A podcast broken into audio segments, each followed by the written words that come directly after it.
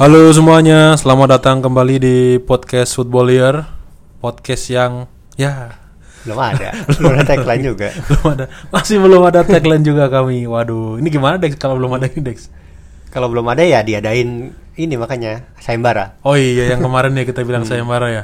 Ya udahlah, kayaknya emang beneran perlu deh ini perlu sayembara. sih ini ah. Ya udah na- nanti berhadiah nah oh iya berhadiah. Nanti caranya di akhir episode aja lah. Akhir episode nanti. lah nanti di akhir episode. Kalau nanti orang pada skip Dex enggak ya?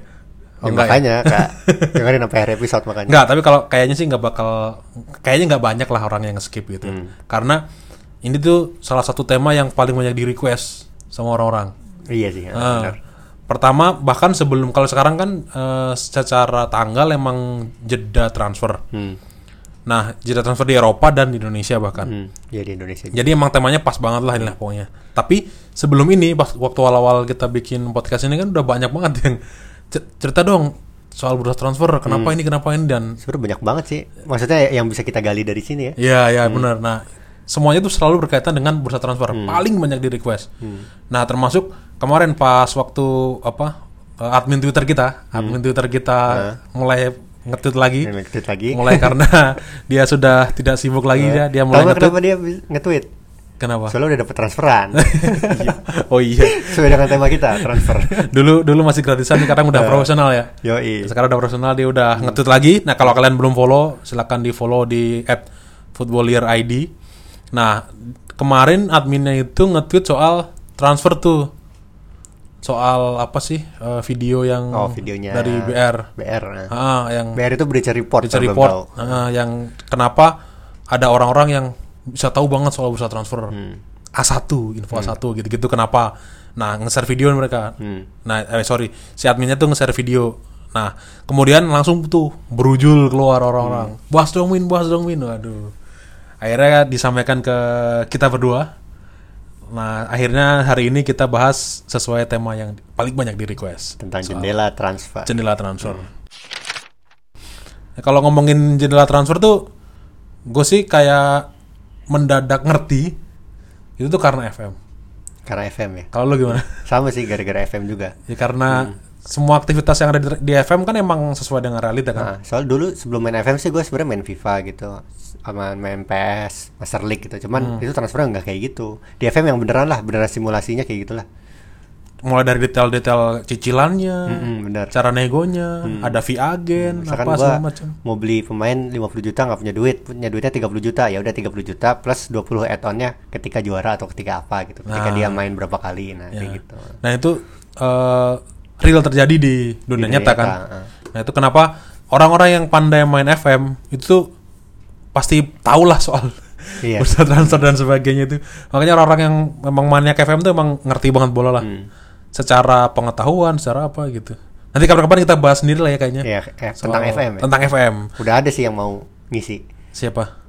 Artu Poke. Oh iya, kemarin oh, udah ngontak lu ya kalau nggak salah ya. Ah. Udah ya karena kita juga pengen juga sih ngebahas Hmm. FM.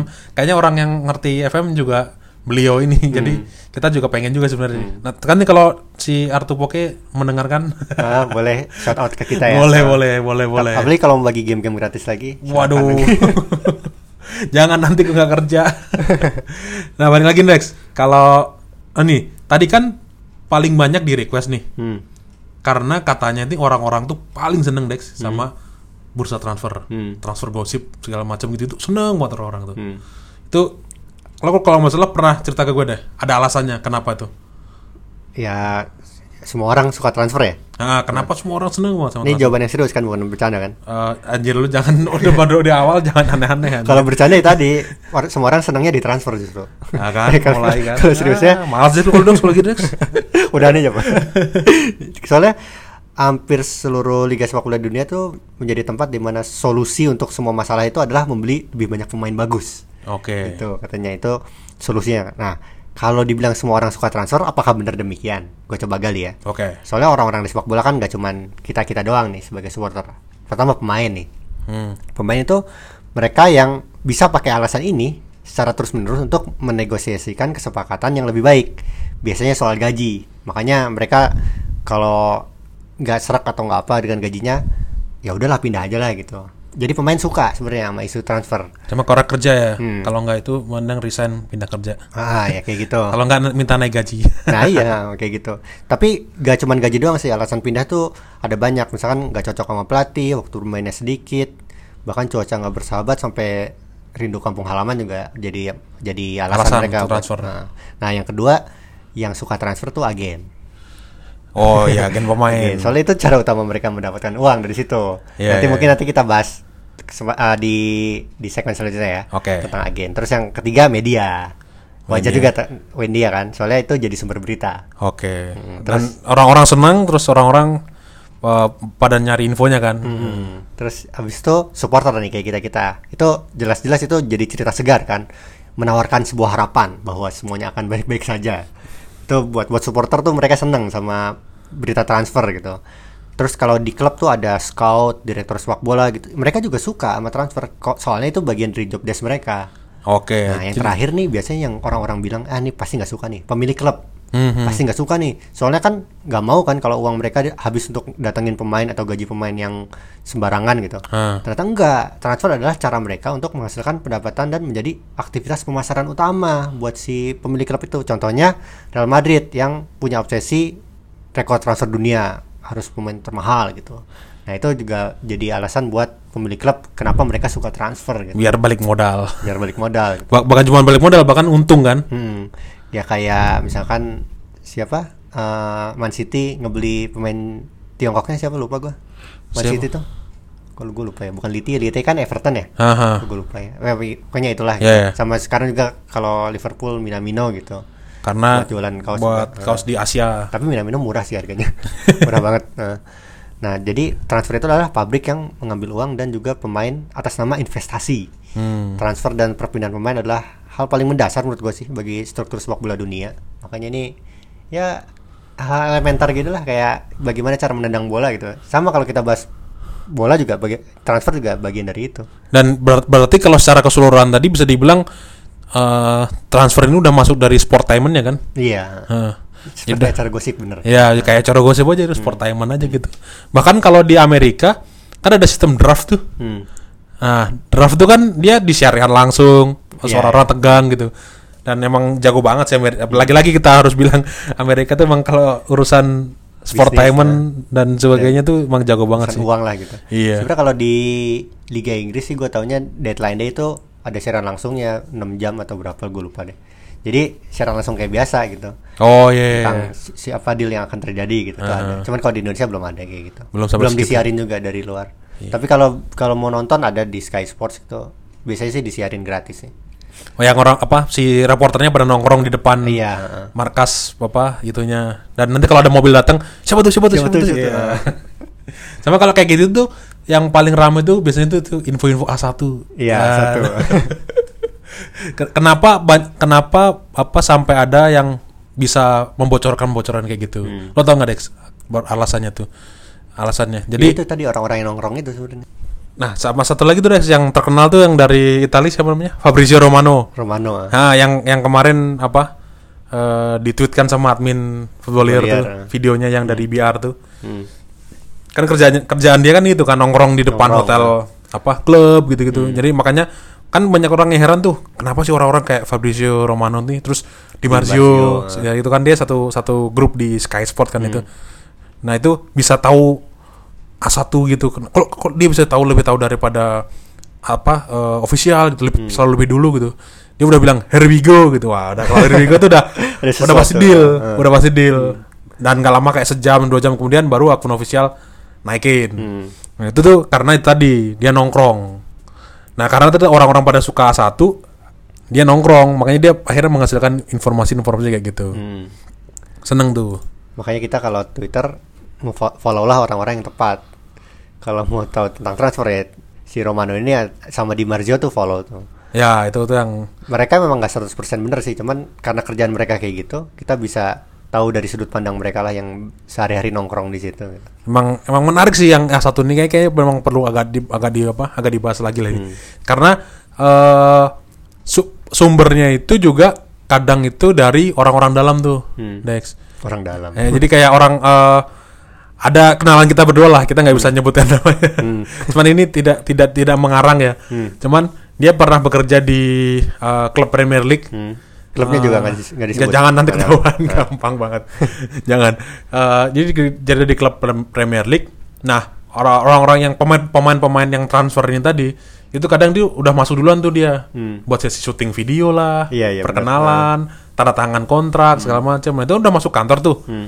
Otomatis udah tahu dong dia Udah dong tahu nih nah kenapa ini orang ke sini terus. Iya, kan udah wah udah Hmm. udah kan ada pola-polanya tuh kalau udah masuk ke ruangan Pak Bos itu mah terus keluar senyum-senyum sambil bosnya ketawa-tawa. Hmm. Wah, ini udah deal nih gitu-gitu. Nah, itu biasanya sumber-sumber yang eh, selain Fabrizio tadi kan. Kalau Fabrizio tadi kan ngomong di depan tuh. Hmm. Nah. Orang-orang dalam kayak gini tuh yang kadang kurang ajar Hmm. menjual integritasnya untuk untuk apa bocorin. Tapi kalau teman kita sih enggak. Nggak. Teman kita sih enggak. Tapi dia bilang eh, dia se- lebih sering mendengarkan apa eh, tahu lebih dulu karena dia tuh orang dalamnya. Eh, orang dalam kayak gitu. Sama kayak media-media. Kadang ada media-media tertentu yang dia itu kenal sama apa? dekat dengan pemainnya karena wartawannya dekat pemainnya kemudian dia dapat akses Oh, iya. eksklusif gitu misalkan. Kayak dulu tuh kumparan kalau nggak salah. Hmm. Kumparan yang waktu Egi Maulana Egy, Fikri ya. pindah kan bahkan kumparan ikut satu pesawat kan. Nah, Satu pesawat sampai apa? eh, Lebaran sama siapa? Ustadz siapa?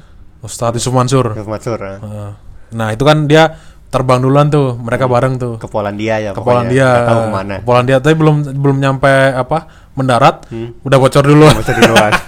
siapa yang mau bocorin? Nggak tahu lupa. Nggak tahu lupa.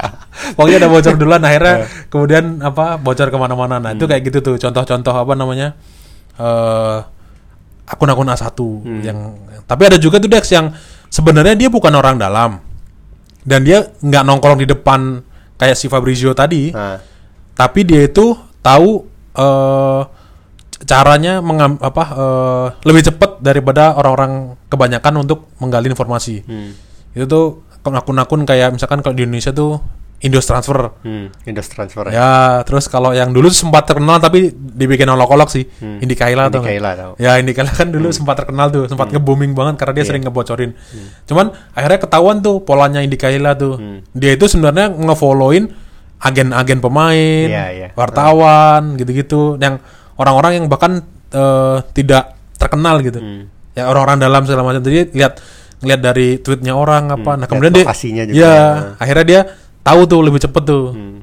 daripada kebanyakan orang-orang akhirnya orang menganggap wah ini nih siapa nih Hmm. orang nih kenapa tahu duluan ya sebenarnya dia tuh lebih pinter aja dalam mencari Follow juga ya. ya informasi itu jadi akhirnya ya udah bisa dibocorin gitu tapi ada juga tuh Dex yang mengakunya orang dalam Nah. nah itu yang ini yang kampret nih sih Misalnya Ada- siapa? ada pokoknya akun-akun yang mengaku orang dalam orang Ah. dalam gitulah pokoknya Hmm. lah nanti tersinggung lagi orangnya namanya eh orang pokoknya ada orang dalamnya lah. Ah. dia pura-pura kayak gitu. Dia dia sebenarnya bukan orang-orang dalam Hmm. banget misalkan gitu. Tapi dia taunya dari yang tadi kayak co- contoh Indi Kaila. Hmm. atau emang dia kebetulan kenal beberapa wartawan. Dan dia ada satu dua informasi dia yang emang benar gitu. Apa sesuai prediksi tanda kutip. Hmm. prediksinya benar. Akhirnya yang benernya itu di blow up sama dia kayak misalkan di Twitter di retweet Hmm. eh prediksi ini bener di retweet retweet terus prediksinya bener di replay misalkan di Iya, Instagram iya. di replay hehehe pura-puranya gitu doang ketika ada yang nge-replay wah prediksi Mimin tepat gitu padahal bisa jadi yang nge-replay tadi ya akun-akunnya dia sendiri Iya benar. Atau enggak ya dari beberapa prediksi gitu. Enggak cuma satu. Nah, ya itu yang apa namanya tipe-tipenya A1 A1 gitu. Hmm. Jadi kalau kalian sekarang harus mulai bisa pintar memilih yang kalian anggap A1 ini, Hmm. kalian anggap orang dalam ini beneran orang dalam apa cuman ngawur-ngawur doang gitu. Hmm, cuman apa cuman pura-pura. Karena orang-orang kayak gitu pintar tuh. Kayak tadi nge-blow up mana yang kelihatan lebih apa eh, lebih kelihatan lebih wow-nya itu di blow up sama dia gitu. Yang benernya padahal yang banyak salahnya sebenarnya Iya gitu. Sama ada juga yang dia misalkan kerja di tempat yang eh, berhubungan gitu. Kayak misalkan Eko Maung. Aku mau nah. Kayak udah pada kenal ya Eko Maung ya. Dia salah satu apa ya ini bobotoh tapi sering dihujat sama bobotohnya sendiri. nah dia kan kerja di Kemenkumham tuh Ah, di eh bener ya Kemenkumham kalau nggak salah kerjanya. salah sih, Pokoknya yang ah, hubungan sama itu kan dia kan hubungannya itu sama naturalisasi. hmm. Karena dia kalau nggak salah anggota BOPI juga deh. Iya, Ya anggota? BOPI, Nah, ah. Jadi ketika ada isu-isu soal pemain naturalisasi dia tahu duluan tuh. Karena ya itu tadi Karena dia dia, kerja kerja orang kerja di sana mau gimana. Kemudian dia makanya dia pas dulu Fabiano apa siapa ya? Iya, Fabiano bener. yang dia bilang Fabiano akan jadi WNI. Hmm. Eh, kalau salah saya akan lari bugil lah kalau salah. Dia juga kayak gitu. Hmm. Dia dengan sangat yakin gitu ketika semua orang bilang Fabiano gagal, Fabiano gagal. Nah, dia dengan ngototnya dia bilang Fabiano akan jadi Hmm. Fabiano WNI. aja waktu pas dia ngeluarin itu Fabiano belum dipakai Persib kan? Hmm, hmm, hmm. Udah dibeli kan ya? Cuma Ya. dipakai kan? Ya, ka- bahkan ada bocoran segala macamnya kan yang dia masih udah pakai kostum segala macam. Ah. Nah, itu contoh-contoh lain A1 yang ya kebetulannya dia kerja di sana gitu. Ada juga kadang yang di bandara. Hmm. Di Oh, iya, bandara bener. tuh eh, di imigrasi udah ada masuk oh ini pemain ini, pemain ini gitu. Dulu juga kayak siapa? Odem Winggi waktu pas mau ke Madura kan ke Jakarta dulu tuh. Itu juga orang-orang udah tahu dia bakal ke Indonesia, cuman belum tahu ke mana. Tapi Ah. akhirnya beberapa setel- setelah, itu langsung tahu oh ke Madura United. Ya, kayak gitu tuh contoh. Makanya itu pesan ya buat teman-teman jangan sampai Kalau kemakan kalau kita di bandara tiba-tiba ngelihat ada siapa datang gitu, oh nih jangan orang nih pengen tanda tangan kontrak di Indonesia gitu. Ya, atau jangan-jangan pengen liburan aja. Liburan doang. Makanya harus hati-hati juga tuh Des Hmm. yang soal apa akun-akunnya itu tadi. Nah, apa eh, lo udah punya tips ya? Misalkan cara mengetahui kebohongan gitu. Kayak Kalau- oh ini akun bohong ini, ini enggak ini gitu. kalau akun itu biasanya kan temenannya sama media ya. Ya. Kalau di media tuh kalau cara tahu kebohongan sih gampang sih. Kalau dari media ya. Pertama dari judul dulu lah. Ada tanda ada tanda tanya nggak di judulnya gitu. Oh, eh bu, bu, nggak nggak nggak bohong-bohong banget. Cuman maksudnya kalian harus bilang, Iya, oh ini belum tentu pasti, eh belum belum tentu gitu. Iya, technically emang nggak bohong sih. Misalkan Ah. apakah Ronaldo akan ke Amerika Serikat gitu. Oh. Apakah Ronaldo akan ke MLS gitu. Nah, itu kan kayak gitu kan ada tanda ada tanda tanya belakangnya. Sebenarnya itu kan belum tentu dia mau pindah juga kan. Ya. Itu ciri-ciri pertama. Dia bilang bohong ya nggak bohong juga nggak sih. bohong juga sih. Cuman kalau ada tanda tanya diragukan. diragukan. Nah, Terus yang kedua, kalau dari medsos, misalkan dari Twitter tuh, pastikan dari sumber yang terpercaya. Hmm. Jadi ya tadi yang lo bilang jangan jangan dari orang-orang asal-asalan gitu. Aha. Itu juga yang video BR yang kita retweet juga di Footballer juga itu udah cukup menjelaskan lah. Terus juga cek apakah judulnya menyebut dengan jelas siapa pemain yang dimaksud. Misalkan kalau dibilang pemain mantan pemain Chelsea ini dikabarkan akan bergabung dengan Persib gitu misalkan. Ah. Itu bisa siapa aja gitu. Bahkan pemain yang nggak terkenal yang dia Ah. pemain akademi apa gitu. Nah, kan. iya itu itu sering terjadi sih kayak apa rekan setim rekan setim Ronaldo akan bermain di mana gitu. Ah. Itu paling paling keselin tuh kalau dia mainin mainin kayak gitu tuh dua. Jadi uh, pemainnya dan tujuannya. Misalkan kayak tadi Essien ke Persib ya. Ah. Uh, mantan pemain Chelsea ini akan bergabung dengan tim besar Indonesia. udah, udah males banget ya apa Ya, sih? klik- clickbaitnya double. Klipnya double. Terus juga apa judulnya sesuai kutipan. Biasanya dari wawancara dan jawabannya yang basa-basi misalkan kalau kayak gini tuh missnya tuh. Misalkan ada wartawan yang pernah nanya ke Ronaldo misalnya, apakah kamu mau bermain di Amerika Serikat? Ronaldo kan kalau ditanya gitu kan ya gimana ya kalau jawabnya kan kayak kalau Ya mau lah, gitu. enggak gitu. Enggak. Masa gue bilang enggak? Masa gue bilang iya? Iya. Dia dia pasti bilangnya formalitas kan kayak diplomatis gitu. Ya kalau saya ada kesempatan saya mungkin akan bermain di MLS gitu kan. Itu sebenarnya kan enggak iya enggak enggak kan. Cuman di misquote sama media langsung di beritanya Ronaldo mempertimbangkan bermain di MLS gitu nah, itu jangan, jangan kayak gitu tuh itu biasanya media misquote dari dari kutipan Terus apakah berita tersebut menggunakan kata dilaporkan? Ini misalkan media Inggris melaporkan bahwa Essien akan bergabung dengan Persib gitu. Oh. Ada dilaporkannya gitu. Ada kemungkinan untuk dia itu ragu-ragu tadi. Ragu-ragu gitu. Nah, ini kalau kita bicara media ini kan biasanya kan eh, yang paling kita ejek kan The Sun ya. Kalau di Inggris tuh kalau ibaratnya kalau ada ada gosip nih apa eh, dari in- si ini mau ke ini, lo baca di mana The Sun. Sun. Ya elah langsung gitu. nah, itu gue gue pernah diceramahin sama Coach Jasin juga dia bilang jangan jangan temenan terus lah sama orang media orang media emang senangnya nyari berita kan jadi dia kadang-kadang bikin berita emang benar juga sih cuman ada ada penelitiannya ternyata The Sun sama Bild kalau Bild tuh dari Jerman tuh menurut survei memiliki rating akurasi berita 22% nah ini apakah buruk angkanya kalau dibandingin sama Metro aja misalkan Metro ternyata dapat beritanya hanya 13,5% yang benar tapi kita harus hati-hati nih media terpercaya kayak Guardian aja dia mendapatkan rating berita benarnya tuh 35,6%. Memang lebih besar sih, cuman 35,6% soal berita transfer kan Ya lo Ya, bayangin dari, dari doang. Iya, sepertiga dari dari 10 berita, tiga berita doang yang bener Iya. gitu. Ya kayak gitulah gitu. Terus juga ada lagi media kayak bukan media sih kalau ini situs sih, Transfer Market. Yang tulisannya transfer market. Nah, itu dari Jerman tuh. E-nya nggak ada ya belakangnya. Nah, itu sering disalah apa ya, disalah kutip atau disalah pakai lah, disalah pakai sama terutama sama Indonesia itu soal harga, harga pemain, terutama, harga pemain di Indonesia. Karena kita tahu berapa harganya kan. Ah, ah. Makanya. di transfer market kan ada valuasi harga kan Nah, ternyata itu uh, mereka tuh nggak punya algoritma khusus untuk mengukur bandrol pemain harga pasar pemain yang tertera di transfer market itu berdasarkan perkiraan versi mereka sendiri itu aja membuat akurasinya patut dipertanyakan apalagi di Indonesia ketika gaji pemain aja nggak diungkapkan ke media gitu.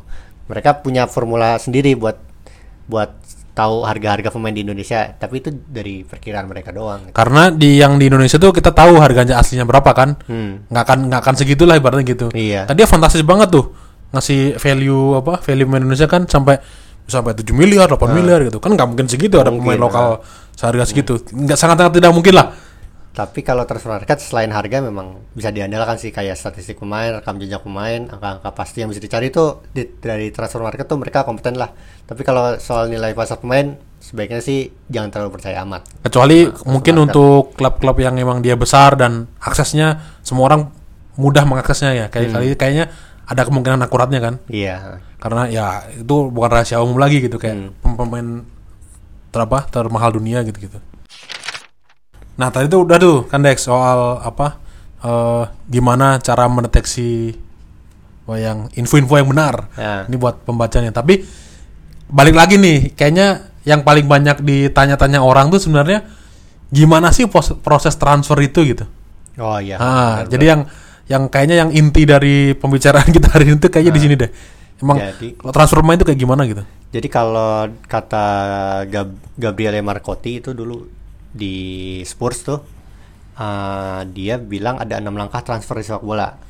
Ada basicnya ya. basicnya pertama itu langkah pertama itu ngincar pemain scouting ini jadi biasanya scout tuh beneran harus beneran nge- nge-scouting ya jangan jangan asal-asalan misalkan dari YouTube lo pernah nulis kan ya di Pandit ya Oh iya, iya. soal lihat pemain jago apa enggak dari YouTube doang apalagi dari Wikipedia gitu Itu sangat sesat sekali. kalau dari YouTube mungkin oke lah kita bisa lihat videonya dia nendangnya bagus atau gimana. Nah dari, Wikipedia ini ada cerita lucunya dari Liga Swedia. Kasusnya itu Panez Vanevezis itu di Liga Swedia membeli Barclay Miguel Panzo dari Syrianska pada bursa transfer Januari 2018. Setelah lihat biodatanya di Wikipedia, kalau dia pernah bermain di KPR 2010 sampai 2012 mencetak 45 gol dari 36 laga. Gila. itu luar luar biasa. gue sih yang merhatiin merhatiin Liga Inggris, merhatiin KPR gak pernah ada nih pemain kayak gini. Dan dia ketipu gara-gara Dia ketipu, Wikipedia. dia- dia, Heeh. Sama oh ini Dex, apa namanya? Gue baru baca kemarin tuh. Hmm. Yang Halan. Yang soal Halan dia, dia Atletik lo baca? Halan yang Erling Braut kan, bukan Alvinga ya. Iya. Alvinga bapaknya ya. Ya, yang Er- Erling Erling Haaland tuh Hmm. kan eh, dibeli Dortmund akhirnya resmi. Ya. Nah, nah di, di Atletik ngeluarin tulisan bagus tuh soal Hmm. ternyata Dortmund itu sudah mengincar si Haaland ini tuh udah lama, bahkan sejak Agustus 2016. Hmm. Dia diincar. Nah, dia itu waktu di Piala apa lupa nama turnamennya apa sih? Di Skandinavia, Piala Nordik. Oh ya Nordic yang itu khusus Eropa Timur ya. Or- Eropa Utara. Eropa Utara. Nah, itu yang di U- U17. Nah, dia udah main di situ tuh. Jadi di Agustus 2016 tuh dia udah diincar sama Dortmund. Jadi sebenarnya kalau narasi orang-orang selama ini kan bilangnya eh, Dortmund nikung MU. Ah, benar. Dortmund nikung siapa gitu. Nah, Dortmund tuh mendadak kenapa Dortmund mendadak bisa dapat Haaland gitu. Padahal ternyata enggak. Mereka so- scoutingnya udah lama. Scouting udah lama bahkan dari Agustus 2016 itu. Dan Dort- Dortmund membeli Haaland itu juga bukan sesuatu yang tiba-tiba beli gitu. Ternyata prosesnya sangat-sangat panjang untuk pemain yang sekarang tampil luar biasa. Emang Padahal Dortmund muda juga eh, ya. Dortmund bilang dari dulu dia udah istimewa dia bilang gitu. Cuman Dortmund gagal untuk mendatangkan dia ke Dortmund waktu itu waktu masih muda. Akhirnya pi- pindah ke RB Salzburg itu. Itu waktu itu 16 tahun padahal ya Halan ya. Iya, Nah si siapa? Chief scoutnya itu Markus Pilawa namanya. Ini kita dapat dari The Athletic ya. ya. ceritanya ya. Terus itu kan tadi langkah pertama ya, ngincar Hmm. ngincar pemain lah scouting ini kayak PDKT juga sebenarnya nih. Jadi abis ngincar kita cari informasi dulu. Oh, Oke. Cari informasi. Jadi klub bisa jadi uh, udah melacak pemain berbulan-bulan sampai bertahun-tahun sebelumnya. Contohnya tadi ya si Halan itu. Haaland. Halan ternyata ada dari Agustus 2016 dibeli eh, Januari 2020 ya berarti ya resminya. Resminya ya. Hmm. Itu juga contohnya juga ada uh, Berbatov waktu sebelum ke Spurs itu di scoutnya semusim penuh Sebelum ke, sebelum ke Spurs. sebelum ses- Heeh. ke Spurs tuh. Jadi eh, apa kalau di luar tuh memang memang mencari informasi tuh sangat penting juga sih. Tapi kalau di Indonesia mungkin lo ada contohnya nggak? Oh, udah yang kemarin itu gue eh dengar dari bagus sih dari podcast yang mau Nah, dari Ripan, Ripan ya? Ma Pradipta. Dia bilang eh, soal transfer itu, isu transfer itu, ah lo kan pernah deng- sering- sering dengar tuh Persela bisa dapat pemain-pemain asing bagus selama ini. ya. Kayak ada aja gitu. Hmm. Persela tuh eh, kalau pem- apa klub lain tuh datengin ini, datengin ini, sosok pemain besar, pemain besar. Persela tuh entah, dari antah berantah aja tiba-tiba datang pemain bagus, datang pemain bagus. Nah itu tuh ada rahasianya ternyata. Apakah itu? Nah, ternyata rahasianya itu eh, kata Ripan nih, dia bilang ke orang dalam si Hmm. Orang Persela ya. Dan akhirnya membocorkan Ripan membocorkan dan kita bocorkan ulang ke khalayak yang lebih ramai lagi bahwa ternyata di Persela itu ada tim khusus tuh. Kayak tadi semacam scout tadi lah. Ah. Nah, tapi dia eh, tahapnya itu bukan di tahap yang scout pertama tadi lo bilang. Hmm. Dia nggak datang langsung ke tempatnya tadi. Kalau scout tadi kan dia datang ke turnamen-turnamen kecil, Hmm. dia apa terbang jauh ke apa pedalaman apa segala macam Ah. gitu. Kalau ini bagian tahap kedua bener kata lo tadi mencari informasinya dia. Hmm. Jadi 5 sampai 6 orang itu dia bilang menelisik asal usul pemain. Hmm. Jadi ketika ada agen datang nih, gue bawa pemain, kan sering tuh apa eh, agen-agen nggak jelas entah dari Afrika entah dari Amerika Serikat Iya, itu tuh datang. banyak yang menghubungi gua juga. gue juga di LinkedIn sama di Twitter di DM saya punya pemain saya punya pemain tolong Bonggos ya, ah, anjir. tolong dimasukkan apa namanya dimasuk saya pengen mau bawa pemain untuk ke Liga Indonesia gitu gitu Oh, iya, sering kan gua. dari antah berantah kan gue sering dapat tuh apa eh, message di LinkedIn tuh. Nah Persela ini bahkan pemain-pemain yang antah berantah pun mereka terima Dex Hmm. tapi melewati tim eh, penggali informasi ini dulu. Hmm. Jadi dia nyari tahu tuh pemain ini ini siapa, terus asal usulnya gimana, mereka mereka cek tuh bahkan sampai dia bilang sampai apa cedera sampai Cederanya ya. keter, apa apakah dia pernah main judi segala macam nggak tahu sih gimana caranya ya. Meskipun kita sebenarnya sedikit sedikit tahu. Cuman ya gitulah. Pokoknya mereka kemudian tahu apakah mereka mereka pernah keterlibatan ke judi apa enggak nah baru setelah hasil filternya tadi itu dikasih ke pelatih. Karena ya mau mau nggak mau kan penentu apa kebijakan rekrut pemain kan dari pelatih kan Pelatih, apakah dia cocok apa enggak gitu-gitu nah tapi paling enggak sebelum masuk ke pelatih tuh udah ke filter tuh jadi yang masuk di meja pelatih itu yang tinggal pelatih mau ACC itu itu udah difilter tuh Hmm. gitu bahkan dia kata Ripan bilang itu juga di apa mesnya Persela tuh ada ruangan khusus gitu katanya yang emang khusus Hmm. Isinya untuk apa? Hmm. pala penggali informasi gitu ada TV ada apa banyak kayak ruangan data gitulah Ah. tapi nggak nggak yang nggak spesifik data dia bilang ada TV ada apa gitu itu tahap kedua nih baru tahap kedua ini pan- panjang banget ternyata. Iya. Tadi kan udah scouting terus habis itu nyari info. Nah yang ketiga beneran PDKT nih. Jadi eh, klub tuh harus tahu apakah transfer bisa dilakukan cukup realistis atau enggak. Kesebelasan juga harus harusnya bicara dengan pemain atau agennya tanpa gak boleh bicara tanpa izin. Jadi akan melibatkan agen terpercaya untuk bertindak sebagai perantara. Nah orang inilah yang akan mengetahui apakah pemain mempertimbangkan untuk pindah kalau pindah jenis kesepakatan apa yang si pemain inginkan? Durasi kontrak gaji dan lain-lain. Terus habis itu klub calon pembeli juga akan mendekati klub calon penjual untuk mendapatkan valuasi.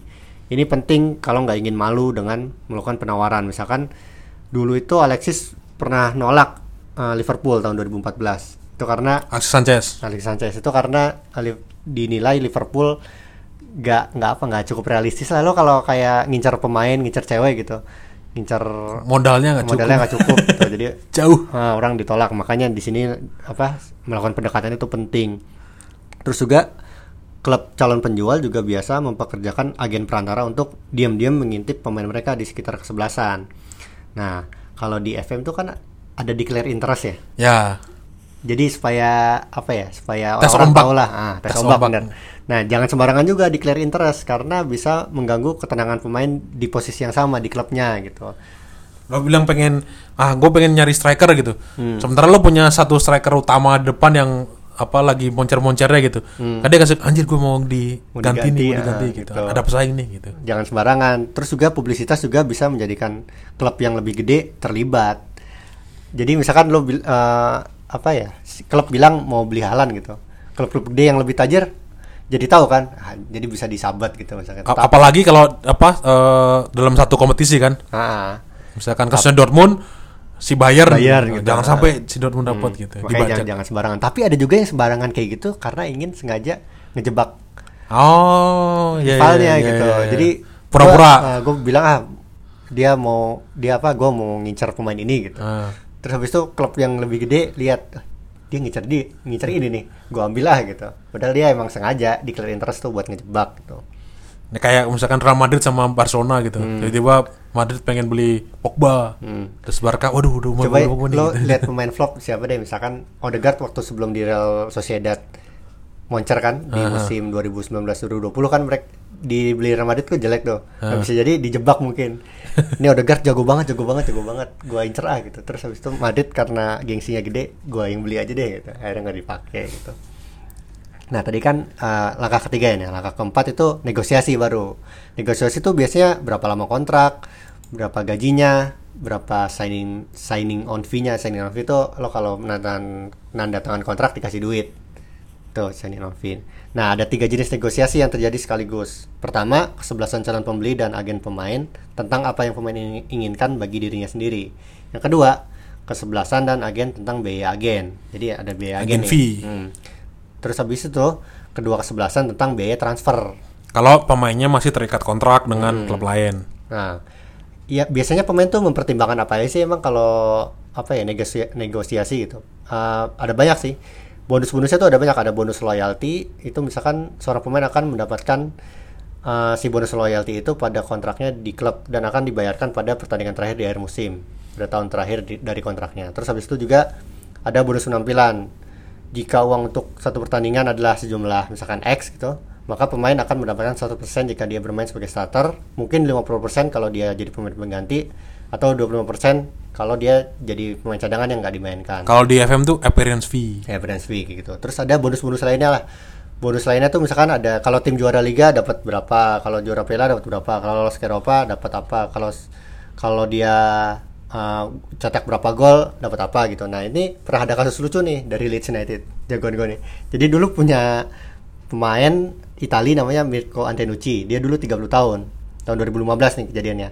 Pernah nggak dimainin lagi tuh setelah cetak 10 gol karena di kontraknya tertulis kalau dia cetak 12 gol otomatis kontraknya akan diperpanjang 12 bulan. Nah, Leeds tuh sebenarnya nggak terlalu suka sama dia. Tapi dia karena udah cetak 10 gol, ah nih kalau dua, dua kali golin lagi kontraknya bakal diperpanjang. akhirnya nggak dimain-mainin dimain-mainin lah gitu. bangsat juga klub lu Dex itu itu dulu jadi kasus tuh. Cuman karena Leeds tim kecil jadi nggak nggak booming kalau di Indonesia. Oh. Kalau di Inggris sih lumayan booming tuh. Nah, sangat sedikit transfer yang gagal kalau udah sampai tahap negosiasi ini. Proses transfer bisa bertahan, tertahan biasanya karena faktor uang tuh. Misalkan ada pihak yang minta uang lebih banyak gitu, misalkan kesebelasan atau calon pembeli tiba-tiba kekurangan uang untuk transfer. Nah, ini bisa jadi jadi masalah kalau udah dinegosiasi. Nah, tahap berikutnya kalau negosiasi udah beres itu tes medis. hmm. Nah ini dapat apa kutipan dari Dr. Charlotte Cowie dari perfor- Direktur Performa Klinis Laboratorium Timnas Inggris dia bilang setiap pemain nggak benar-benar lulus atau gagal saat melakukan tes medis. Biasanya ada sejumlah masalah dan itu tergantung apakah klub akan mengambilnya atau enggak. Klub biasanya tertarik pada cedera yang berpengaruh pada efek jangka panjang. Jadi kalau di tes medis itu emang nggak ada nggak ada berhasil atau gagalnya. Nah, cuman tes medis ini biasanya jadi formalitas kalau udah deadline day udah akhir-akhir ya udah tinggal udah udah kejar-kejaran sama deadline kan gitu. Heeh. Yaitu tahap tahap kelima kan. Nah, tahap terakhir udah pemain resmi bergabung. Nah, dari dari scouting sampai resmi itu biasanya paling enggak 2 sampai 3 tahun lah kayak tadi si Halan itu. Kan lama tuh ya. Jadi bukan proses yang cepat. Ada sih proses yang cepat. Kebanyakan terjadi di deadline day gitu. nah jadi agak diulang lagi Dex berarti ya Hmm. dari urutan awalnya tadi kan Scouting. berarti ada scouting dulu diincar pemain Nah. Itu udah diincar tuh udah ketemu tek tek tek ditandain baru kita gali informasinya menggali cari informasi, informasi. Nah. Habis itu baru pendekatan. Dari KT. ada kata dulu dicek ini oh ini oke nggak? Realistis nggak? Gitu. Hmm. oh ini ada agennya siapa? Apa segala macam gitu gitu. Nah, terus baru nanti negosiasi. Nego langsung baru, di ah. ketemu tuh diajakin ketemu tuh. Diajakin ketemu nego nego nego nego. Eh, oke nih negonya harganya oke sepakat oke tes dulu, medis, ah. masuk tes medis. Setelah masuk tes medis, baru Resmi. tentang normal resmi diumumkan. Bikin video, Bikin video. bikin video kreatif. sekarang. bener, bener. bikin video pengumuman. Tapi kalau di deadline gitu emang apa? eh, ya tadi bah- bahkan proses-proses yang kayak kita bilang tadi Di- itu ringkas gitu. Iya kayak ya udahlah saat lu- ada siapa ini ya udah beli aja Dulu gitu. Arsenal tuh pernah kayak gitu waktu beli Kim Kallstrom. Hmm. Bahkan lo nggak ingat ya dia pernah di Arsenal. Iya. Karena itu dia sebenarnya rentan cedera, cuman di di tes medis dibilangnya oke oke aja lah, udahlah kita udah deadline. Ken- Kenapa kenapa eh, klub-klub tadi itu melakukan transfer di deadline day? Kenapa jadi deadlineer? Banyak lah. Eh, kalau dari laporan sendiri ya aktivitas transfer di deadline itu sebenarnya nggak lebih dari 40% sih dari seluruh kegiatan transfer. Cuman jadi bahan berita banget karena tadi menarik minat-minat pembaca gitu, terutama harapan-harapan di menjelang deadline gitu. Sering-sering mengagetkan gitu-gitu. Cuman biasanya transfer ini impulsif sifatnya. Jadi resiko-resiko tuh uh, misalkan resiko finansial ya, biayanya bisa terlalu mahal. Terus resiko kese- kesehatan kayak tadi pemain sebenarnya nggak fit tentang cedera atau resiko kultural pemain belum tentu cocok. Nah di sini tuh memang pada umumnya katanya sih studi manusia memang mentalnya deadlineer gitu. Makanya kayak gini tuh bakal ramai terus. Berarti nggak cuma di kehidupan sehari-hari doang ya deadline, Iya. cuman bahkan untuk transfer. Berarti kan proses transfer tadi kan sangat-sangat panjang kan. Hmm. Nah, karena panjang dan melelahkan tadi itu, kemudian muncul agen, Hmm. agen pemain. Eh, Nah, ini tuh yang kayaknya yang salah satu yang banyak pertanyaan juga ya dari teman-teman yang kemarin tuh, kenapa sih harus ada agen, kenapa harus agen gitu. Sebenarnya lebih cocok, ini bisa dibahas dalam satu episode khusus Dex. Kayaknya harusnya ya. Nah nantilah kita bahas lah ya. Ya, dan kita Sekarang ringkasnya dulu harus ya. harus apa ada narasumber agen pemain juga kan. pemain, nah. Nantilah kita. Tapi eh, paling nggak paling nggak gini lah secara umum dulu tuh eh, kayak tadi proses transfer adalah eh, proses yang sangat panjang Hmm. dan rumit. Hmm. Apalagi kalau negosiasi. Ya, negosiasi itu lo ada bonus loyalty, Hmm. ada bonus ini, ada bonus ini, ada appearance fee, ada ini. Kalau lo main sekian, main sekian gitu. Hmm. Buat seorang pemain tuh sangat bikin pusing sih. Nah, bikin malas lagi. bikin malas bikin pusing. Akhirnya mereka ya udah pakai jasa aja gitu pakai jasa pakai agen gitu. Tapi secara umum tidak bukan kalau keuntungannya cuma gitu doang ngapain gue bayar bayar mahal agen? Karena agen fee-nya kan lumayan kan. Iya. ada yang apa 10% ada yang 20% tergantung kesepakatan juga kan. Bahkan ada yang sampai 30% bahkan itu 40 dari ya. Eh, 40% dari satu kontrak tuh Eh. sangat-sangat luar biasa sih cuman eh logiknya selalu begini ketika lo misalnya di Indonesia nih kita contoh di Indonesia yang kita pernah apa tahu prosesnya lah ya Hmm. kayak ada ada pemain dia nego- negosiasi sama klub ketemu angka satu musim kontraknya 400 juta Hmm. ketemu tek gitu karena dia nggak jago nego Hmm. kemudian ada agen Hmm. Di nego-nego-nego 700 juta Ah. ketemu ternyata kalau sama agen 700 juta karena agennya pintar si Iya. agen negosiasinya bilang eh klub apa pemainku ini itu tuh diincar sama klub ini Ah. klub karena klub ini mau juara Hmm. sementara klub yang mau beli tadi itu pengen juara juga gitu kayak tadi yang lo bilang akal-akalan agen Hmm. nah akhirnya ah serius lo iya beneran ini apa kemarin aku ditelepon sama pak ini ini ini Hmm. gitu waduh itu udah udah apa eh, akal-akalan banget lah Kalau enggak agen temenan sama media. Nah. bilang, bilang kayaknya dia mau pindah ke A deh gitu. Karena- dia, dia nunjukin beritanya. Nih lihat nih udah muncul nih. Apakah ah, pemain X akan pindah ke A? Tuh, udah muncul dan nih. itu ada dan itu ada gue tahu tahu tahu sendiri tahu sendiri apa namanya eh, media bu- bu- dipastikan bukan media tempat kita dulu bekerja kan Iya. karena di, di media lain tiba-tiba muncul berita ini teng terus Hmm. ini wah ini mah apa berita model kayak tadi harga nego Eh. nah balik tadi kalau kalau nego biasa dia 400 juta ketika sama agen 700 700 juta akhirnya ketemu angka 700 juta tapi dia harus bayar mahal agennya tadi 100 juta Hmm. kalau dipikir-pikir bayar orang buat gitu doang, gitu doang tanda kutip 100 juta. Mahal banget. Waduh, itu tuh ngapain lo bayar gitu doang 100 juta? Tapi lo harus inget-inget lagi, pikir-pikir lagi.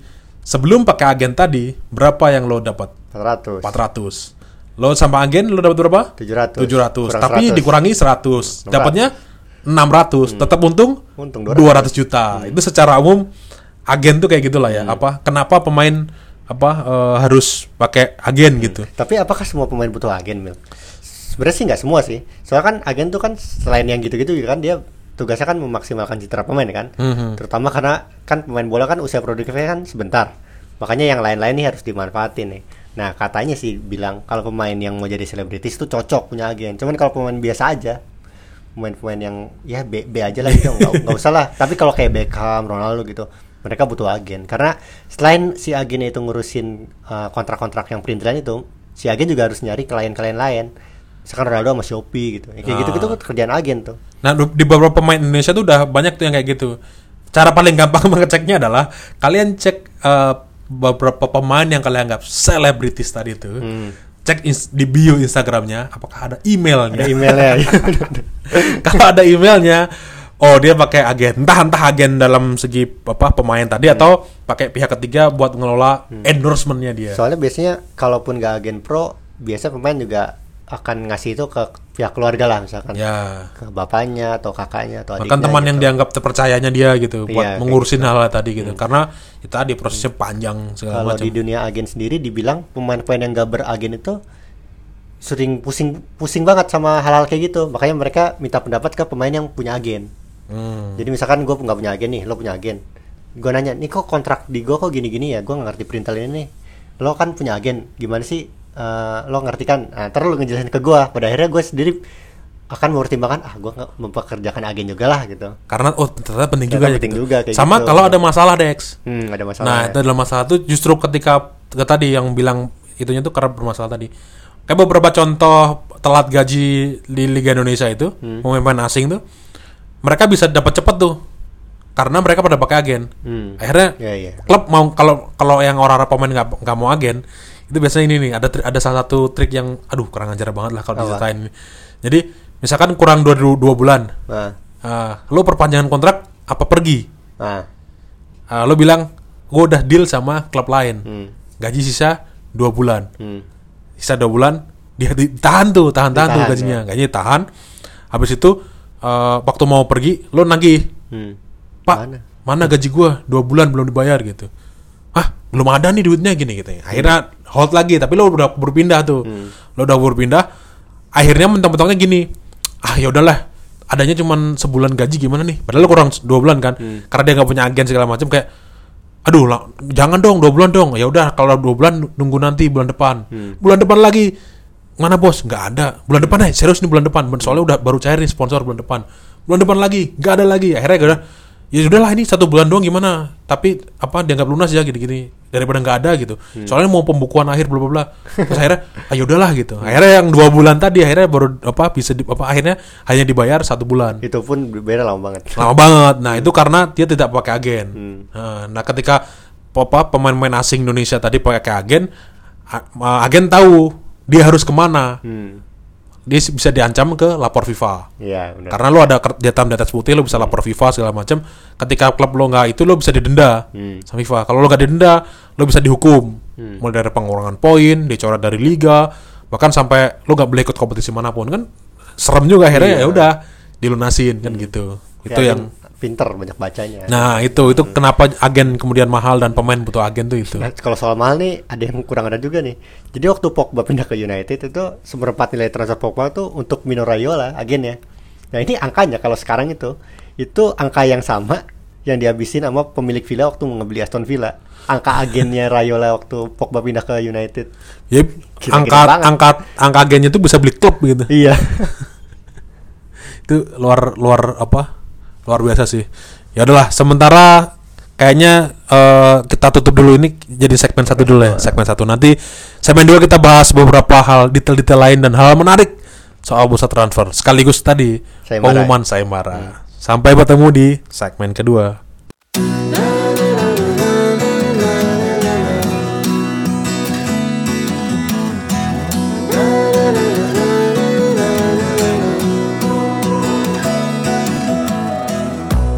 Oke, kembali lagi di Footballier untuk kita masuk segmen 2 masih tentang bursa transfer. Tapi sebelum itu sesuai janji tadi, Dex.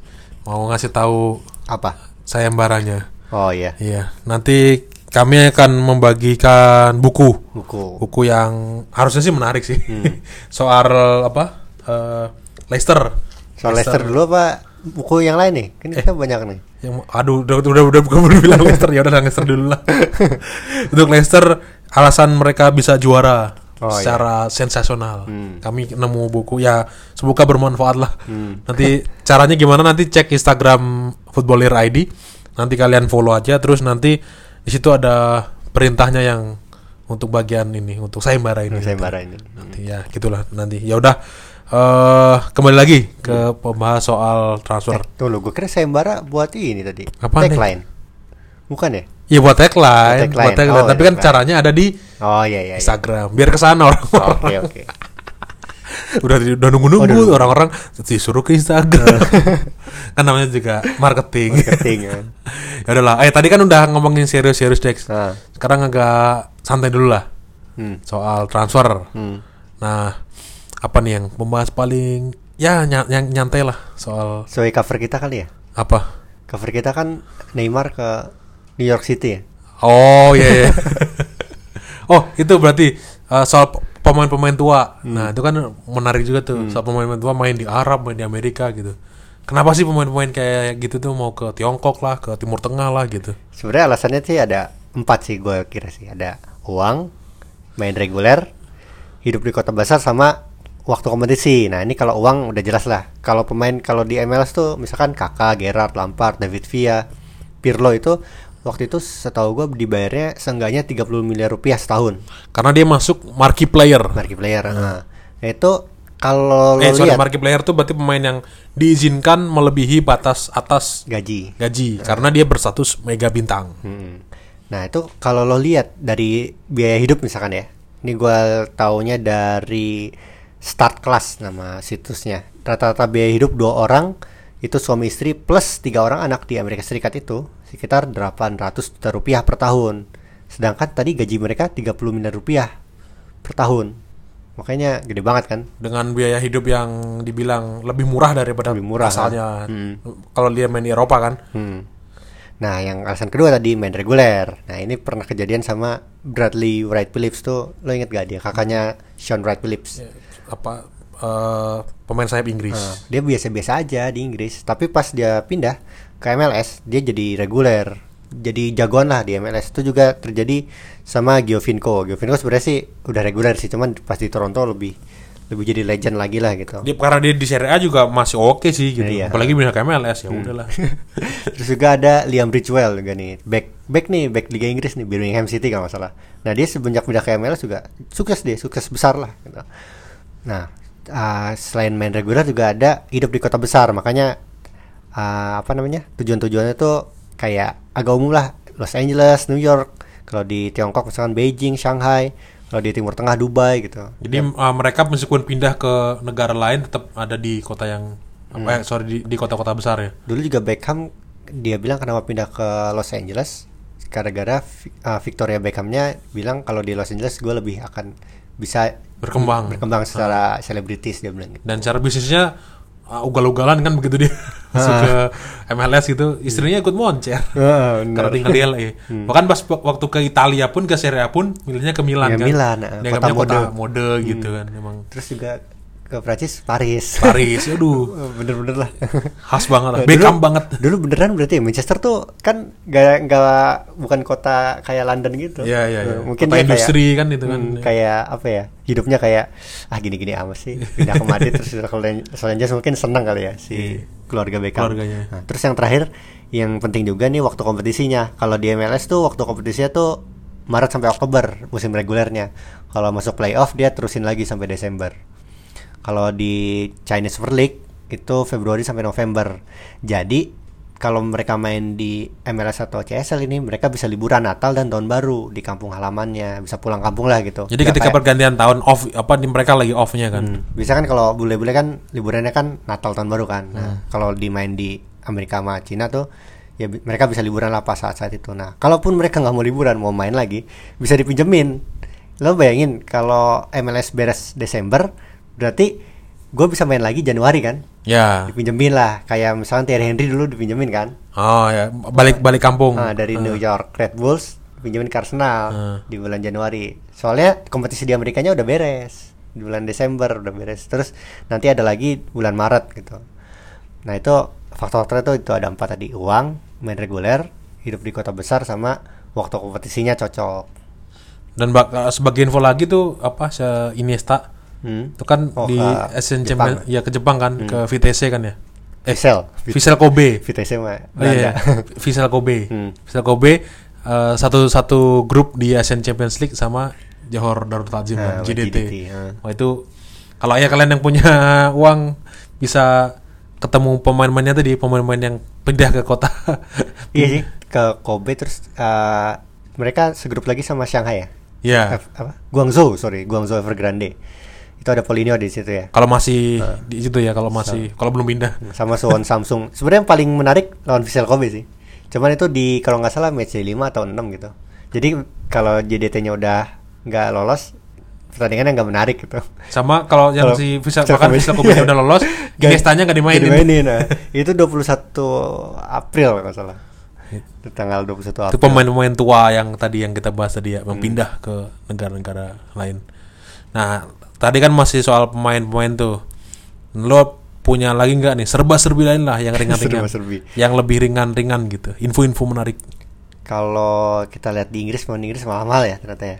Nah ini ada Dikenal mahal. dikenal mahal. Ternyata memang benar mahal dari studinya EPL Index itu katanya 20 sampai 23 persen rata-rata lebih mahal daripada pemain-pemain Eropa daratan, pemain-pemain Inggris tuh. Faktornya banyak sih. Media terutama yang mainin peranan penting di situ lagi. Jadi apa ada stigma saat ini kalau main Inggris selalu mahal? Emang benar. yang benar? Nah, itu ada studinya itu. Nah terus juga ada yang menarik eh, soal ini soal apa ya mata uang.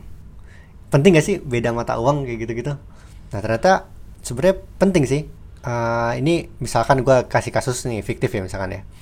Di akhir tahun 2018 nilai konversi 1 pound ke euro tuh 1,11. Nah kalau rilis ada pemain misalkan di Bala, rilis clause-nya itu saat dia tanda tangan kontrak di Juventus tuh Juni 2015 misalkan 150 juta euro. Nah, 150 juta euro itu pada saat 2015 itu sama dengan uh, 110 juta pounds. Jadi kalau Dybala ditebus pada uh, apa ya? Pada waktu pas dia tanda tangan kontrak sama pada waktu pas dia misalkan tahun inilah gitu. Karena kursnya udah beda antara euro sama poundsnya, harganya beda. Ngerti nggak lo? Oke, jadi apa? eh, karena kalau di Eropa yang sering kita dengar emang cuma dua sih, Ah. nggak pernah pakai dolar kan? Ah. Kita dengar Hmm. euro dan pounds. Hmm. Kalau kalau melibatkan Inggris apa tim-tim Inggris emang biasa seringnya pakai pound sterling. Kalau yang di lainnya dia pakai euro. Euro. Sebenarnya kalau mata uang yang paling banyak digunakan di dunia emang euro sih. Hmm. Terutama di transfer sepak bola euro memang. Kalau pounds tuh Inggris apalagi sama ah, sa- apa udah Brexit nih kalau Brexit jadi ya bisa jadi euro yang paling banyak digunakan. Nah, tadi kan kasusnya kan fiktif kan. Nah, gue kasih contoh kasus yang beneran pernah menimbulkan perdebatan itu adalah Ederson Moraes waktu pindah dari Benfica ke Benfica ke Man City Juni 2017. Ini dibilang ini kiper termahal dunia gak sih gitu. Soalnya kalau lihat harganya pakai harga pound sterling itu 35 juta pound sterling Juni 2017 itu sama dengan 40 juta euro. Nah, kalau ma- pakai mata uang pound, Ederson itu adalah penjaga gawang termahal dunia pada saat itu, mengalahkan Gianluigi Buffon. Gianluigi Buffon harganya 33 juta pound sterling tahun 2000 2001. Tapi kalau pakai mata uang euro, Buffon masih termahal di dunia karena waktu Buffon pindah itu di 2001 itu harganya 51,64 64 juta euro. Jadi kalau pakai euro, Buffon masih lebih mahal daripada Ederson yang 40 juta. Tapi kalau pakai pound sterling, Ederson justru lebih mahal. Karena ini menarik karena eh, mata uang itu naik turun, Naik turun, nah. terhadap apa terhadap eh, dolar kan seringnya Hmm. nilainya. Nah makanya eh, penggunaannya jadi jadi jadi menarik gitu. Hmm, makanya kalau tanda tangan tadi kasus yang fiktif itu tanda tangan kontrak tuh harus jelas dia pakai mata uang apa dan kapan gitu. Dan ketika dibeli pun nanti pakai mata uang itu kan. Mm-mm. Karena dia tulisnya klausulnya berdasarkan misalkan dia nulis gue punya klausul penjualan eh, eh, berapa berapa juta euro gitu. Nanti berarti harus belinya harus juta euro juga. Hmm, nah misalkan 500 juta euro, gede banget kan? Tapi ternyata euro turun Tiba-tiba down, Down Amerika kena apa ya? Sorry, Eropa lagi kenapa Kayak gitu. krisis gitu 500 juta euro tuh sama dengan 200 dolar misalkan itu misalkan ya udah karena tanda tangannya 500 juta euro ya bisa gue tebus dengan murahnya gitu pada saat itu itu menarik juga tuh. Nanti mungkin bisa kita bahas khusus lah ya Hmm. untuk episode yang keuangan soal Keuangan. football sama ahli finansial ahli finansial ya sama termasuk Brexit juga tadi kan Hmm. yang Brexit nanti boleh lah kita bikin episode khusus spesial untuk sepak- ekonomi sepak bola Hmm. terus ada lagi yang menarik lagi nggak Dex yang unik-unik lagi selain tadi soal Tadi kan kalau kita ngomong transfer kan kesannya duit duit duit duit gitu kan ya. Ah. Sebenarnya bisa juga sih transaksi pemain tuh nggak pakai duit. Ada ada banyak kasusnya sebenarnya. Cuman ada tiga yang menurut gue unik. Yang pertama Ian Wright itu waktu pindah dari dulu Green Greenwich Borough ke Crystal Palace tahun 8, 1985 itu harganya dibayar pakai satu set alat-alat fitness. Jadi bukan pakai uang. di barter Ah, di barter gitu. Terus habis itu lo tau back Zat Knight nggak? ya, ya. Back hitam. Zat Knight tuh waktu pindah dari Russell Olympic ke Fulham pada tahun 99 itu ditukar sama 30 setelan alat-alat eh, 30 setelan pemanasan. Jadi buat apa? Buat apa? eh, seragam pemanasan gitu. Nah, tapi dari semua kasus barter yang menurut gua paling bagus itu paling aneh lah ini. Ini namanya pemainnya Marius Ciora pindah dari Arad itu ke sebelasan divisi kedua Rumania ke Regal Horia. Dua divisi lebih rendahnya tahun 2006 nah ditukarnya dengan 15 kg sosis dan daging. Tapi waktu itu Ciara malah memutuskan untuk pensiun sehari setelah transfer itu beres. Nah keputusan si Ciara itu membuat si kesebelasan barunya Regal Horia memaksa Arad mengganti kerugian mereka khususnya soal daging katanya tapi permintaannya mereka ditolak itu contoh-contoh lain tapi kalau secara ngomongin ekonomi apa eh, ekonomi ya sah-sah saja kan Rasa aja karena sih. ya kalau harus pakai uang, pakai ah. uang atau pakai barang pun ada alat tukarnya gitu kan Mm-mm. ada alat tukarnya gitu Ya, dulu juga sebelum ada uang kan orang orang barter pakai barter Hmm. gitu nah tapi kalau yang ngomongin pembelian itu kan berarti ada faktor yang kayaknya akhir-akhir ini mulai muncul lagi tuh. Apa, apa karena munculnya para raja-raja minyak yang mulai datang ke Eropa itu yang membawa uang itu financial fair play. FFP ya? FFP itu kok orang-orang sering dengar tuh balik FFP FFP apa FFP apa gitu. Dan mungkin beberapa teman-teman yang lain tuh eh, ini udah umum gak sih informasi soal FFP ini Ah, udah umum sih sebenarnya sih. Harusnya sih udah tahu ya. Udah tahu nggak usah dibahas ya? Atau perlu dibahas? Ya secara umum tuh kan kalau setiap kesebelasan itu kan sebenarnya wajib menyeimbangkan neraca keuangan mereka kan. Nggak boleh rugi. Nggak boleh rugi lah gitu. Nah jadi harus klub tuh harus hitung hitungan dulu kalau mau belanja pemain. Nah kalau soalnya kalau trader nggak sesuai rencana keuangan bi- ah, mereka bisa rugi. Nah ruginya itu bisa melanggar FFP yang ah, hukumannya udah menanti gitu. Jadi nggak cuma rugi doang FFP pun bakal dilanggar dan akhirnya mereka tambah rugi lagi. Karena si UEFA ini nggak pengen eh, sebenarnya kenapa dibuat FFP ini kar- sama UEFA? Karena tadi munculnya para raja-raja minyak Iya. tadi kan. karena gini deh paling sederhananya adalah eh, kenapa klub nggak boleh rugi gitu. Sebenarnya sih mereka tidak rugi secara harfiah. Hmm. tidak rugi kemudian dia bangkrut dan sebagainya gitu. Tapi eh, itu mencegah untuk klub jor-joran beli pemain dengan harga yang nggak masuk akal hmm. Misalkan gini, dia punya uang 100 juta modal 100 juta kan. Hmm. Nah, dia karena klubnya sebenarnya punya duitnya cuma 100 juta berdasarkan dia apa sponsorship, berdasarkan tiket pemain apa segala macam apa pendapatan dia itu TV 100 rights, juta. Itu 100 juta. Nah, dia beli 150 juta. Hmm. Nah, kan kurang 50 juta tuh. Hmm. Dari mana? Nah, si owner-owner Ownernya. kurang ajar yang kaya raya ini, itu tuh uangnya tak terbatas. Dia bisa nyetak duit sendiri. dia kemudian injek lah uang ke klubnya tadi, sebenarnya nggak 50 juta. nggak nggak secara langsung sih injeknya Ah. bisa jadi lewat pihak ketiga gitu Ah, nah akhirnya klub jadi rugi kan, Hmm. karena dia pu- punya pendapatan cuma 100 juta, tapi belanjanya 150 juta gitu. Nah itu yang kemudian sama Diatur. UEFA diatur, jangan sampai ada kayak gitu. Kenapa? Itu tadi mencegah tim-tim tadi itu belanja Timpang, yang ya? nggak masuk akal.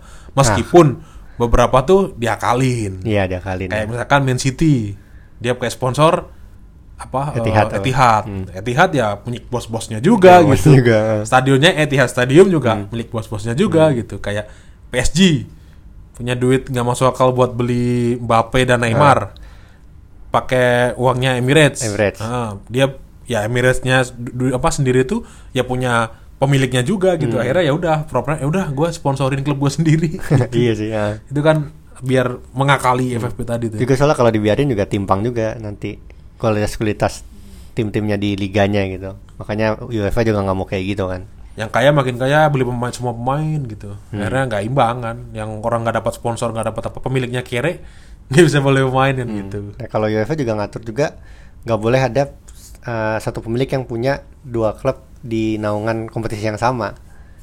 Misalkan kayak dulu tuh uh, Newcastle sama Rangers tuh, Mike Ashley apa? Gue lupa siapa. Itu sebenarnya kan liganya beda kan? Tapi ketika mereka lolos ke UEFA, UEFA Champions League atau UEFA Europa League meskipun mereka nggak lolos ya, itu bisa menimbulkan perdebatan kan. Nah makanya di situ nggak boleh. Karena ada kemungkinan konflik kepentingan kan Konflik kepentingan. Nah kalau di Indonesia mungkin beda. Eh, pulingnya satu, klubnya banyak. ya udahlah, sementara kayaknya itu dulu ya. Bahas transfer. Uh, gila, panjang banget ya. Panjang. Sangat rumit.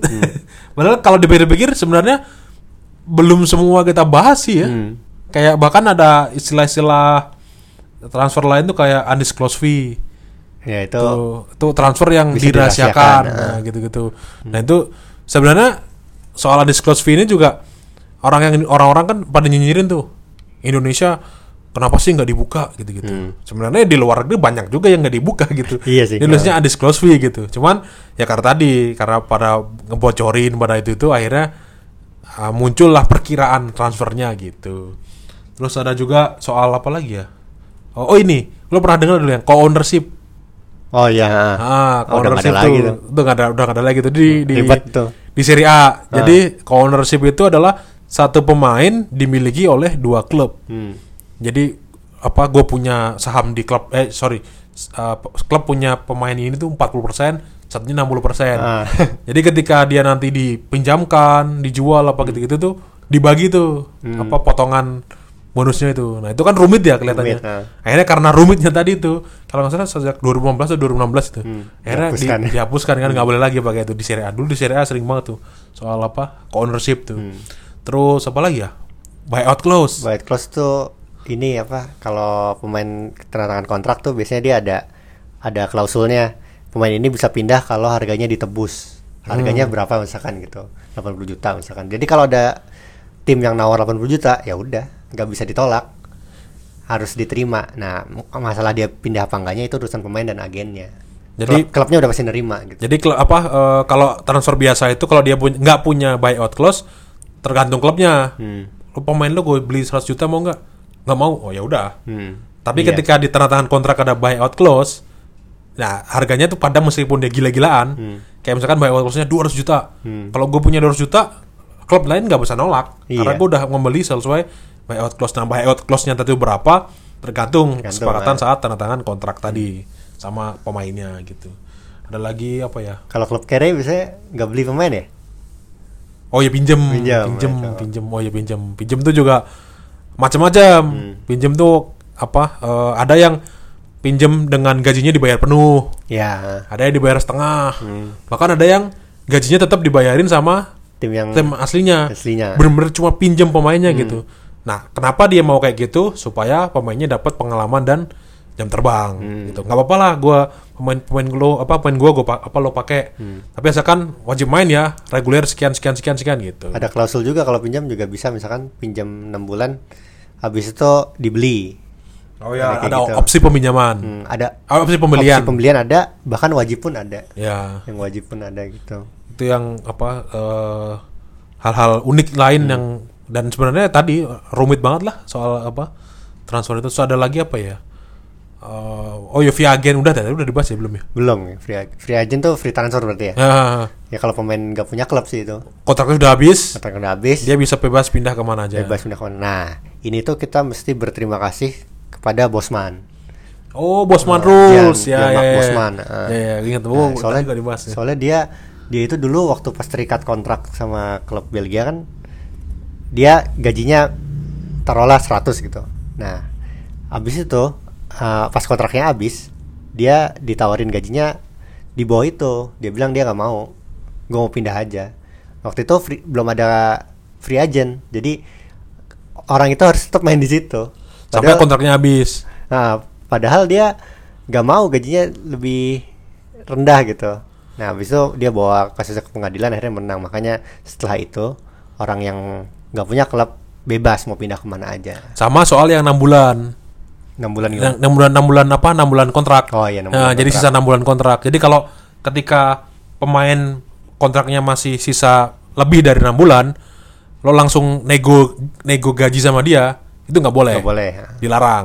Itu karena dia masih terikat kontrak dengan pemain apa Klubnya. klub lain. Karena apa? Jadi lo harus kalau mau pemain dia, ya udah lo harus bilang ke klubnya transfer. Hmm, Kalau tapi kalau dia di bawah enam bulan, boleh. boleh. Lo langsung nego sama dia ketika nanti kontraknya habis dia bisa langsung pindah ke klub nah itu mencegah pemain-pemain yang tadi kayak Bosman tadi yang ditahan-tahan gitu. Kayak dia apa di, di- ditahan tuh. Kayak udah udah mau habis enam bulan kontrak sisa sorry misalkan sisa satu bulan. Klub digantungin tuh. Diperpanjang nggak tahu dihitung nggak tahu gitu. Tapi klub lain kan mau pengen beli kan jadi susah gitu. Iya. Ah, dan, dan apalagi kalau nanti kontraknya itu tanda tangannya pas tenggat uh, deadline day. Kan gawat juga kalau sampai dia nggak punya klub kan gitu. Udah Iya. sampai deadline day masih digantungin. Nah itu. Makanya tadi ada Bosman rules tadi yang soal apa enam bulan tadi. Sama ada lagi kalau oh pindah-pindah tuh butuh ini TMS Iya, transfer matching system ya. Nah ya itu, ini kayaknya kayaknya banyak yang nggak tahu deh soal ini, soal TMS ini Dex. TMS tuh itu sistem elektronik yang dirancang untuk memantau transfer internasional. Pendaftaran pemain profesional antar asosiasi dari dua negara yang berbeda. Jadi dari dua negara yang berbeda ya. TMS tuh katanya sih tujuannya untuk eh, supaya transfer lebih cepat, lebih mulus dan lebih pentingnya lebih transparan. Pemicu utama di balik TMS itu untuk meningkatkan transparansi, integritas, mengatasi pencucian uang, sama mengurangi korupsi di transfer sepak bola pada skala internasional. TMS si Sepp Blatter sih dulu bilang dianggap bisa menebang belantara kekacauan transfer dunia bilangnya gitu. Jadi tiap kalau pemain pindah tuh ya kalau tadi sebenarnya ada di undisclosed fee kan. Kalau di TMS tuh didaftarin dikasih tahu harganya berapa. Cuman nggak dibocorin. Nah secara gampangnya adalah TMS itu ada website. Ya ada website. Lo harus login dulu, masing-masing ah. masing-masing klub punya satu login tuh, Hmm. satu yang orang megang akun TMS-nya tuh. Ada yang federasi juga punya tuh. Iya. Ah, jadi nanti lo input di situ pemain ini gua apa beli dari sini dari sini nanti jadi si federasi tahu federasi lokalnya tahu terus apa FIFA eh, tahu. Hmm. FIFA tahu bahwa pemain ini pindah ke dari sini ke sini dengan gaji eh, sorry dengan transfer sekian Hmm. sekian gitu jadi semuanya tahu terbuka gitu nah itu makanya mencegah tadi salah satunya kan mencegah Pencucian- pencucian, pencucian uang, pencucian uang jangan sampai sebenarnya nggak ada harganya dibilang pemain mahal karena dia pengen nginjek uang gitu-gitu Hmm. Iya kan sih. nah, itu. Nah, itu kayaknya cukup dari Dex ya transfer. Iya. Udah kayaknya udah sangat panjang episode kali ini. Ya udahlah eh, sekian episode footballer kali ini. Nanti kalau ada yang dirasa belum lengkap, bolehlah nanti kita bahas di episode selanjutnya khusus untuk tema-tema tadi. Kayak tadi bisa agen gitu ya. Agen, boleh nanti ada kita datangkanlah agen. Agen kita Agen datangkan. LPG bukan. agen rahasia. Agen rahasia. Oh ya, sama itu lagi. eh, jangan lupa si sayembaranya Iya, saya mbak untuk tagline Footballier apa nanti cek Instagram Footballier ID. Hmm. Boleh juga follow Twitter kami di Footballier ID karena sudah punya admin baru. Hmm. Udah mulai sedikit mengoceh-ngoceh di sana. Insya Allah ada info-info yang Beda ya. bermanfaat lah semoga. Dan perspektifnya berbeda ya. ya semoga diharapkan seperti itu. Harusnya sih. Harusnya seperti ya udahlah. Eh, jangan lupa juga follow di eh, Spotify kami. Jadi kalau ada episode baru kalian nggak perlu nyari-nyari nanti muncul sendiri di home Tapi sebenarnya secara umum insya Allah setiap Selasa ya. setiap Selasa kalau tidak ada halangan. Sejauh ini sih belum ada halangan. ya. Belum ada halangan lah. Ya udah. Ya udah Dex, sekian untuk kali ini. Semoga bermanfaat. Insya Allah, amin. Insya Allah. Amin. Dadah, terima kasih Dah. semuanya. Bye. Ini adalah suara pandit komputer. Terima kasih telah mendengarkan. Jangan lupa share ke teman-teman kalian.